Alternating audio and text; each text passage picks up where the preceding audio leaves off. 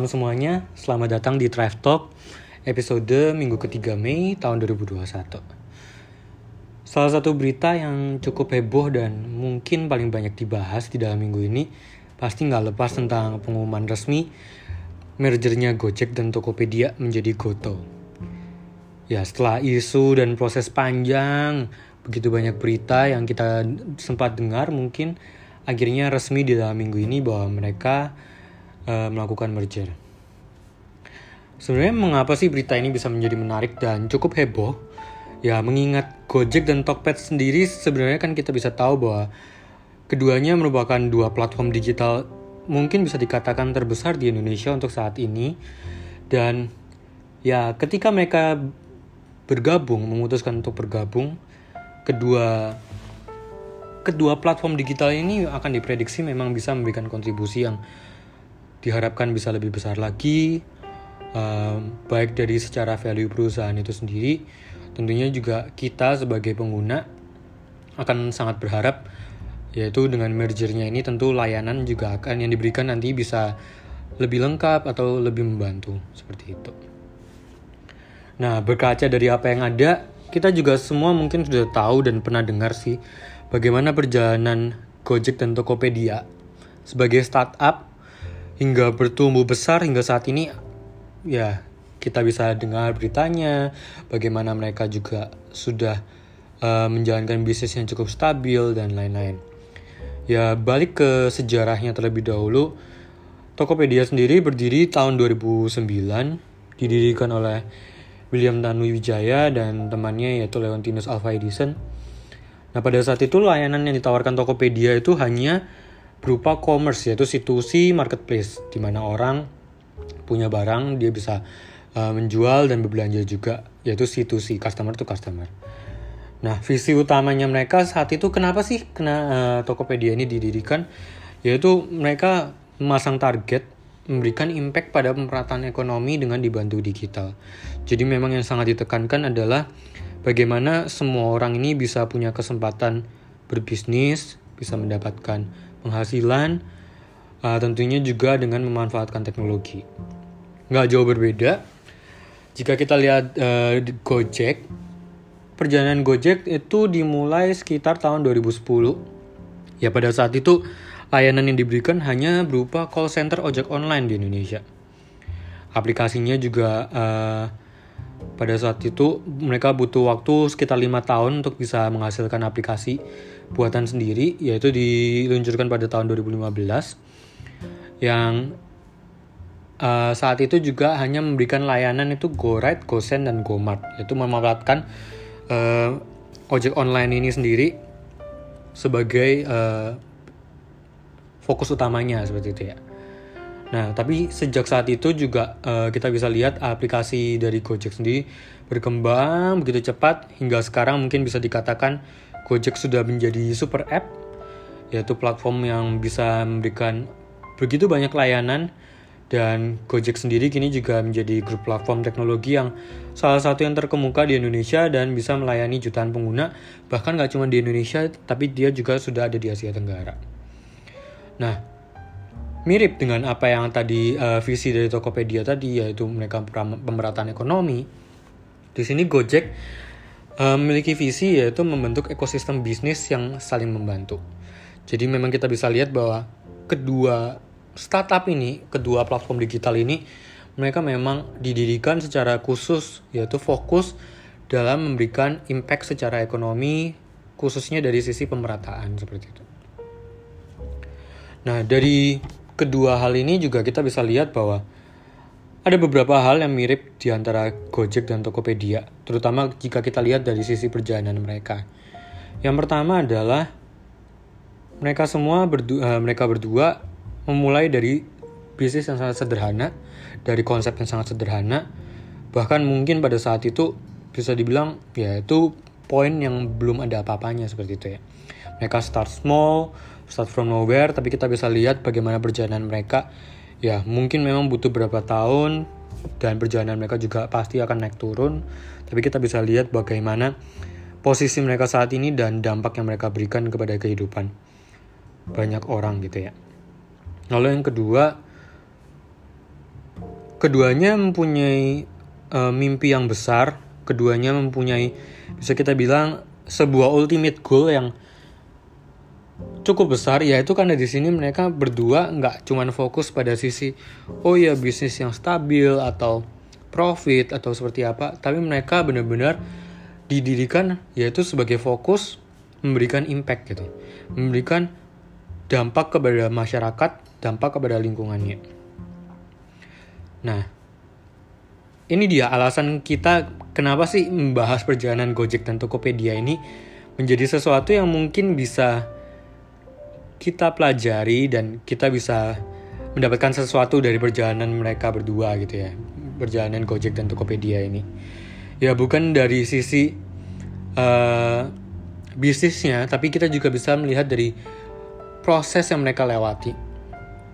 Di sini terutama hal yang bisa kita highlight adalah mereka berdua mempunyai sebuah goal yang gak cuman uh, dijadikan sebagai sebuah target tapi goal ini mendriven mereka yaitu membantu mengarahkan mereka uh, atau bisa kita bilang kita bisa bilang juga dari sisi perjalanan mereka yang mereka jalankan sampai sekarang goal ini menjadi bahan bakar atau semangat itu sendiri yang membantu mereka untuk terus berkembang seperti itu. Nah, di sini sama mungkin seperti apa yang kita jalani ya sebagai individu masing-masing dalam sehari-hari kita. Seiring kita bertambah dewasa, terutama ketika kita memasuki masa-masa galau 25 tahun atau yang biasa kita ya suka bilang sebut itu quarter life crisis yaitu sekitar 20, 30 ya kita dikejar di sini untuk mengubah apa yang dulunya itu cuma mimpi. Ya kita punya target ini kita punya cita-cita ini punya resolusi ini. Ini kita dituntut untuk mengubah semua wacana ini menjadi sesuatu yang lebih konkret. Dan diminta segera. Ini bukan sesuatu yang gampang maka tuh sering kali mungkin ini yang disebut kegalauan atau krisis itu sendiri gitu. Ya di masa-masa ini kita dihadapkan kegalauan buat survive. Kita juga dihadapkan eh, pilihan-pilihan dalam hidup yang harus kita harus siapkan ya mulai dari menyiapkan masa depan lalu juga mulai menyiapkan untuk hidup berkeluarga memulai ini dan itu menjadi mandiri. Terkadang semuanya ini ketika kita tumpuk membuat kita memang menjadi overwhelmed dengan masa depan kita. Membuat kita menjadi ah berat banget gitu buat dijalaninnya dan jika ini dikaitkan dengan mimpi kita, somehow posisi yang berat ini sering kali juga membuat kita jadi discouraged atau merasa nggak semangat lagi buat kita ngejarin mimpi. Bahkan mungkin sebagian dari kita ada yang sempat mengatakan bahwa buat hidup sehari-hari aja dan mikir nggak mau ah mimpi yang muluk-muluk mau jalanin dulu cukup aja udah susah aku mau mimpi lagi buat yang lain. Enggak lah nggak dulu gitu. Ya memang gitu. Bermimpi itu mudah tapi menjadikannya konkret itu tantangannya gitu. ya kalau semua orang bisa dan mewujudkan mimpi semudah itu namanya bukan mimpi lagi gitu. Tapi karena memang itu mimpi itu menjadi sesuatu yang harus diperjuangkan. Ya ketika kita dihadapkan dengan tuntutan lalu juga pilihan dan tekanan yang akan selalu ada itu gimana respon kita buat kita ngadepin itu? Ya mungkin kita kembali belajar kita berkaca dari perjalanan Gojek Tokopedia dan juga mungkin begitu banyak perusahaan startup atau perusahaan-perusahaan lainnya atau hal-hal lainnya atau individu-individu lainnya yang ada saat ini kita bisa yakin bahwa perjalanan mereka untuk besar atau mereka untuk sampai ada di posisi saat ini dan dampak yang mereka berikan, layanan yang mereka punya, itu bisa kita nikmatin, itu pasti perjalanannya panjang dan gak mudah gitu. Jauh juga kita melihat sebelum itu, jalan awal yang mereka tempuh pun bukan sebuah proses inisiasi yang mudah diterima gitu. Membuka call center layanan untuk ojek, siapa sih yang pernah berpikir seperti itu gitu? Atau mungkin e-commerce istilah e-commerce saja mungkin 10 tahun lalu ketika Tokopedia ini di ya diinisiasi. Ini bukan sebuah istilah yang gampang dimengerti gitu bukan istilah yang umum seperti sekarang Kenapa? Kenapa mereka memilih itu gitu? Melewati perjalanan panjang, memperjuangkan sesuatu yang begitu berat, memulai sesuatu yang mungkin waktu itu masih abstrak gitu. Apa? Ya mungkin jawabannya adalah pada mimpi itu sendiri. Sebuah rasa kepercayaan yang mereka punya dan harapan yang ditaruh di mimpi mereka yang mereka putuskan untuk kejar. Ya di kasus Tokopedia dan Gojek tadi adalah ya ekosistem bisnis dan pemerataan ekonomi itu sendiri gitu. Itu yang mungkin para foundernya percaya dan itu yang mereka taruh sebagai suatu keyakinan, sebagai sesuatu visi yang mungkin mereka wujudkan dan itu yang menjadi perjalanan mereka ini jadi bermakna walaupun susah gitu, seperti itu. Bukan sekedar mimpi untuk profit yang ukurannya hanya besaran uang. Bukan juga sekedar definisi sukses yang definisinya sukses itu ambigu gitu. Di sini kita berbicara bukan bahwa uang itu nggak penting atau sukses punya nama itu nggak penting gitu. Tapi ketika uh, ukuran dari perjalanan kita, ukuran dari keberhasilan kita ini cuma diukur dari sisi uang, pendapatan, atau dari seberapa kita dikenal, ini akan menjadi sesuatu yang dangkal gitu kita butuh sebuah mimpi yang lebih membantu mengarahkan kita, lebih mendriven kita untuk mengejar sebuah cita-cita yang bisa membantu kita terus maju seperti itu. Nah, kalau kita lihat sendiri uh, definisi dari tujuan yang terukur, uh, mungkin kita pernah belajar atau kita pernah mendengar istilah bahwa sebuah tujuan itu harus smart. Ya smart sendiri bukan cuman sekedar smart dalam bahasa Inggris yaitu cerdas atau pintar atau apa tapi smart di sini merupakan sebuah singkatan dari specific measurable achievable realistic dan timely apa itu gitu tujuan yang kita punya yang pertama harus spesifik spesifik adalah kita benar-benar punya definisi yang jelas, nggak boleh ambigu itu tadi. Kita harus tahu bahwa uh, apa yang kita jalankan ini kita tahu uh, arahnya ke mana dan cara uh, ngelewatinnya seperti apa. Paling penting itu dulu, spesifik. Lalu yang kedua, sebuah tujuan itu harus measurable. Apa sih measurable? Measurable yang dimaksud adalah tujuan yang kita punya ini harus terukur punya kriteria yang jelas, lalu juga punya mungkin milestone yang bisa kita set, alat ukurnya kita tahu bahwa kita sudah sampai di mana. Nah, measurable ini menjadi satu poin yang sering kali juga kita lupa bahwa sebuah tujuan itu nggak boleh cuman sekedar oh iya aku mau sukses. Nah sukses ini apa? Gitu. Aku mau uh, aku mau kurus. Nah kurusnya ini seberapa? Gitu. Ya ini harus menjadi punya ukuran yang jelas. Misal aku mau kurus ya maka itu aku mau diet. Aku mau diet aku mau belajar olahraga.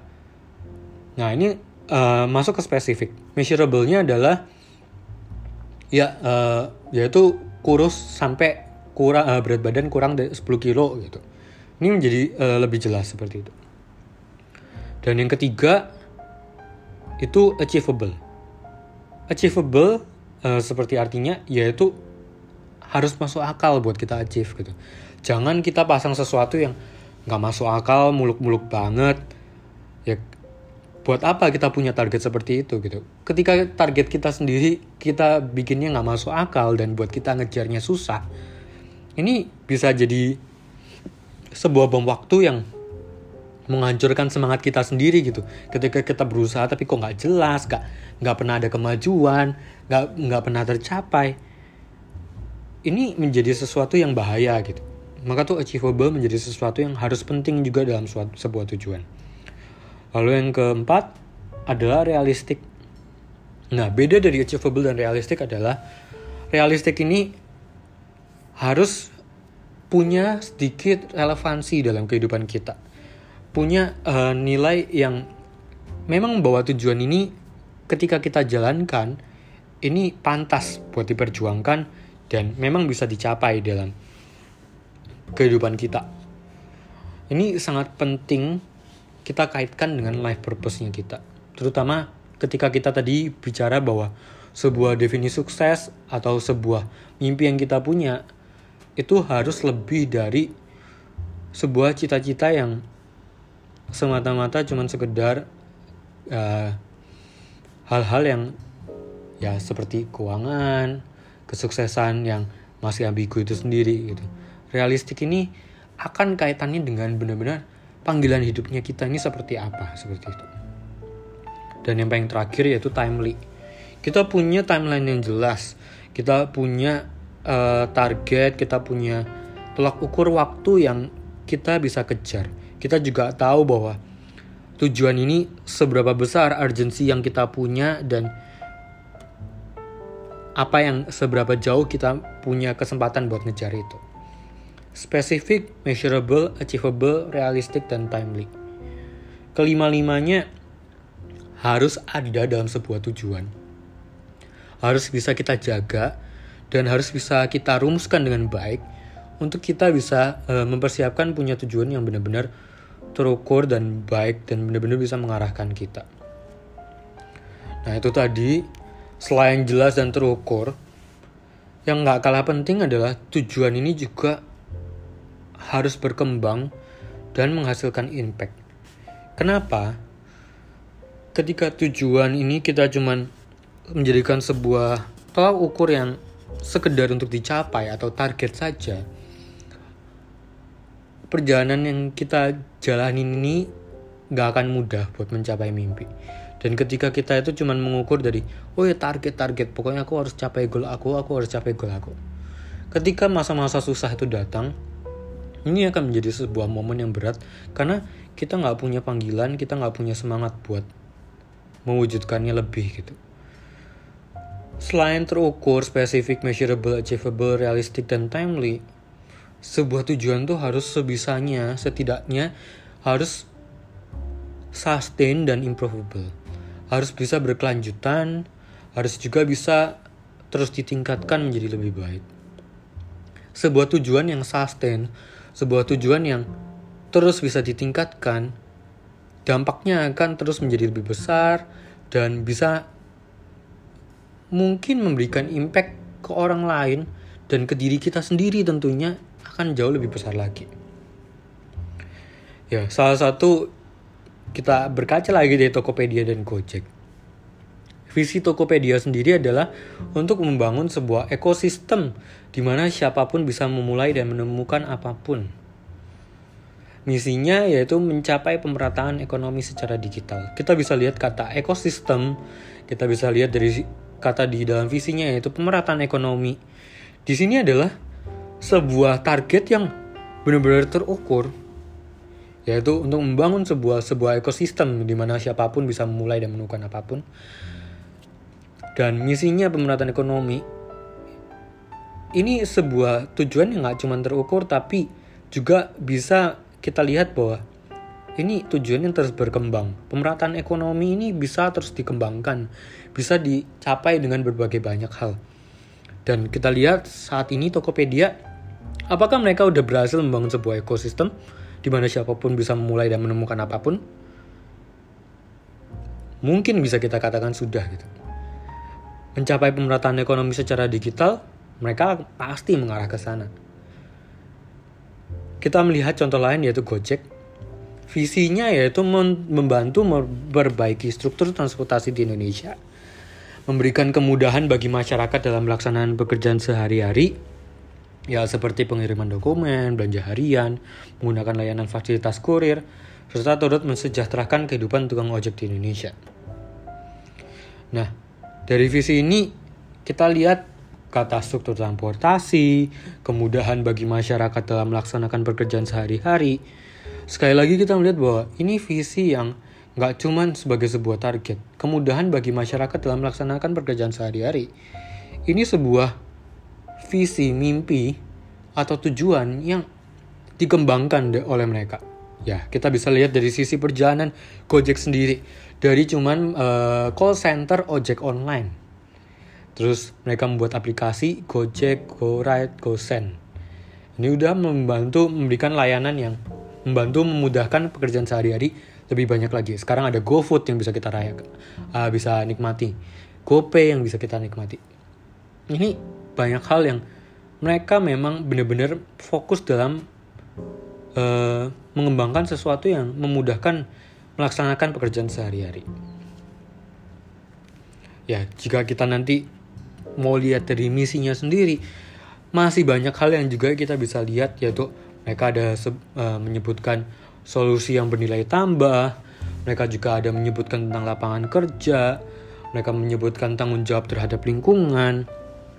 Di sini bisa kita lihat bahwa visi yang mereka taruh visi dan mimpi yang mereka taruh ini mereka nggak taruhnya cuma sekedar menjadi sebuah target yang mereka harus capai tapi memang menjadi sebuah ya framework yang mereka punya untuk mereka ya terus berjalan menjalankan proses ini terus berkembang dan harapannya dalam proses mereka berkembang ini terus memberikan dampak kepada orang lain juga. Nah, baik Tokopedia maupun Gojek ini emphasize peran mereka. Mereka mengembangkan peran mereka, tujuan mereka dalam bentuk kontribusi. Bukan hanya sebuah ukuran yang uh, mengarah kepada diri sendirinya mereka yaitu proses bisnisnya mereka tapi juga mereka melibatkan lingkungan di mana mereka ada ini sebagai bagian dari proses pengembangannya mereka. Nah, ukuran untuk diri sendiri ini sangat penting. Ya, melihat sebagai bisnis ketika kita melihat Gojek sebagai Tokopedia, ketika mereka nggak profit atau cash flow mereka buruk, ya mereka akan susah sebagai bisnis untuk berjalan seperti itu. Tapi di sini penting tapi mereka nggak cuma berhenti di situ. Mereka tetap berusaha melibatkan lingkungan mereka ini sebagai bagian dari proses pengembangan mereka dan berusaha menjadikan ya impact atau dampak kepada sosial ini sebagai salah satu yang harus sejalan sepanjang proses mereka berkembang seperti itu. Ya poin-poin tadi dalam visi misi itu bukan hanya menjadi target yang dicapai, tapi juga target yang bisa mereka bagikan. Kita bisa, mungkin kita bisa sebut bahwa mimpi-mimpi yang seperti ini, inilah yang disebut bukan hanya sebuah achievable target, tapi sustainable target yang gak cuma bisa diimprove dan dikembangkan, tapi juga bisa melibatkan. Dalam individu kita, ketika kita menaruh, menaruh visi, mimpi, cita-cita kita dalam hidup.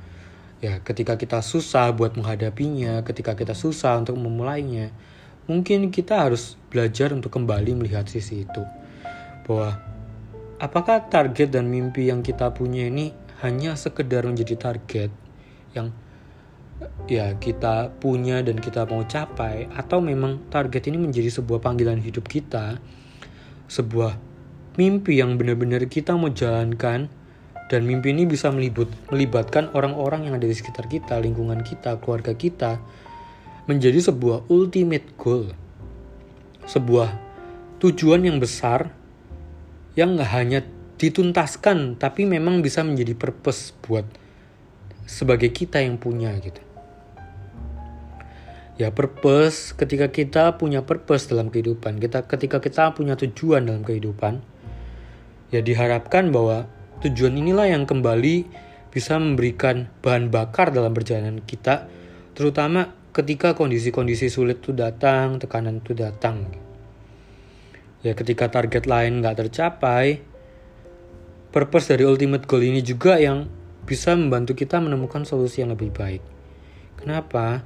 Karena ketika kita punya tujuan bukan hanya sebuah target kita punya sebuah keinginan besar buat mencapai ini dan ketika masalah-masalah itu datang untuk kita akan membantu kita berpikir lebih tenang dan punya semangat lebih buat mencari jalan keluarnya. Jadi dalam perjalanan karir kita mungkin hidup kita hingga momen ini apa ultimate goal kita? Sudahkah kita menemukannya? Ultimate goal bukan segala sesuatu nggak harus segala sesuatu yang muluk-muluk Tapi yang paling penting adalah ultimate goal yang kita punya atau yang kita taruh ini benar-benar bisa menjadi sesuatu yang tulus yang bisa menjadi sebuah panggilan hidup buat kita masing-masing. Ya, ketika kita lihat ngomong ultimate goal nggak harus muluk-muluk. Kita mungkin bisa ngambil contoh lain selain Gojek dan Tokopedia. Kita melihat perusahaan yang lebih besar yang produknya juga mungkin sebagian besar kita gunakan. Tahu visi perusahaan Apple? Yaitu Apple in every desk. Artinya adalah produk Apple di setiap meja kerja.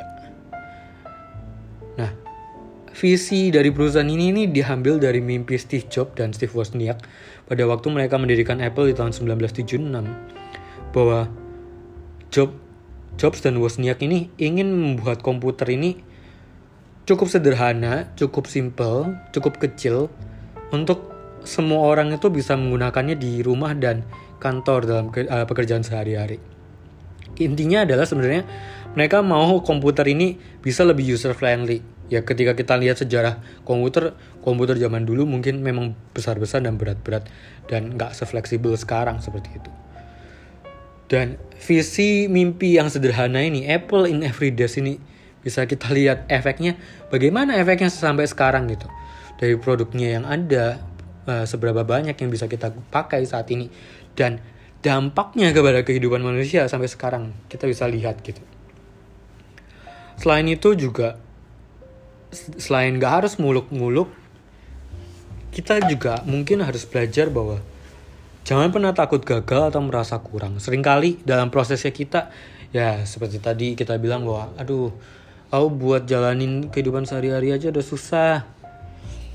Aduh aku kan bukan siapa-siapa ya. Aduh aku buka eh, nggak uh, punya uang sebanyak itu tunggu aku kaya dikit lah.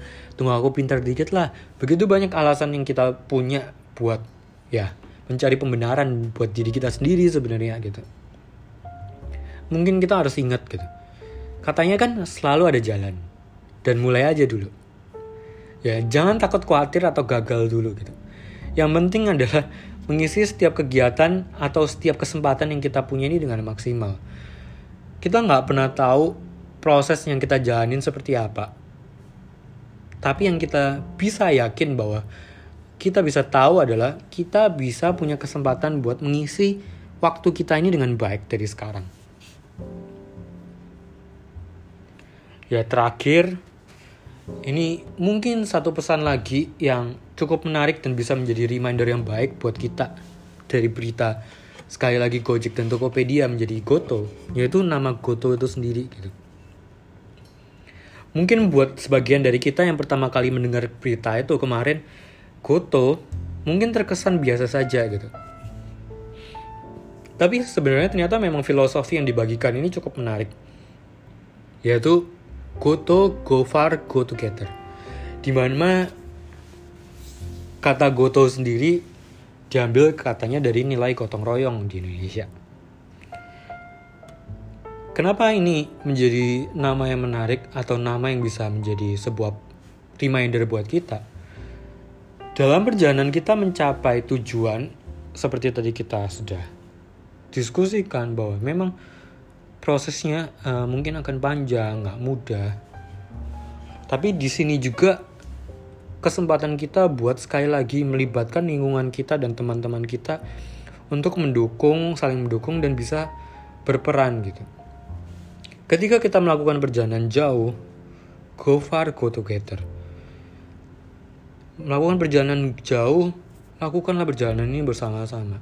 Ketika kita melakukan perjalanan bersama-sama, beban yang kita lewat ini bisa kita bagi, bisa kita ya kita bisa berbagi pengalaman berbagi mungkin pelajaran dan ketika salah satu jatuh bisa saling menguatkan di sini bisa kita bisa nggak cuman menjalankan ini bersama-sama tapi mewujudkannya juga bersama-sama membagi suka dukanya itu bersama-sama akhir kata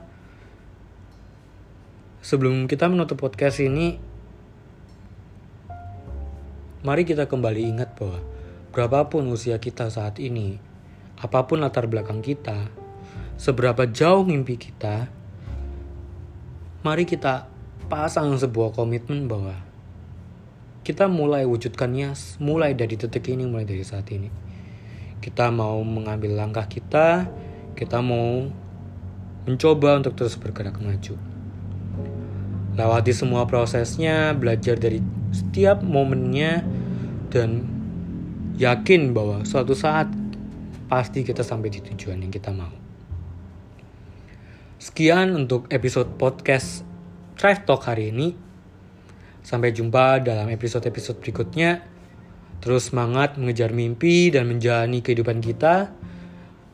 Sampai jumpa.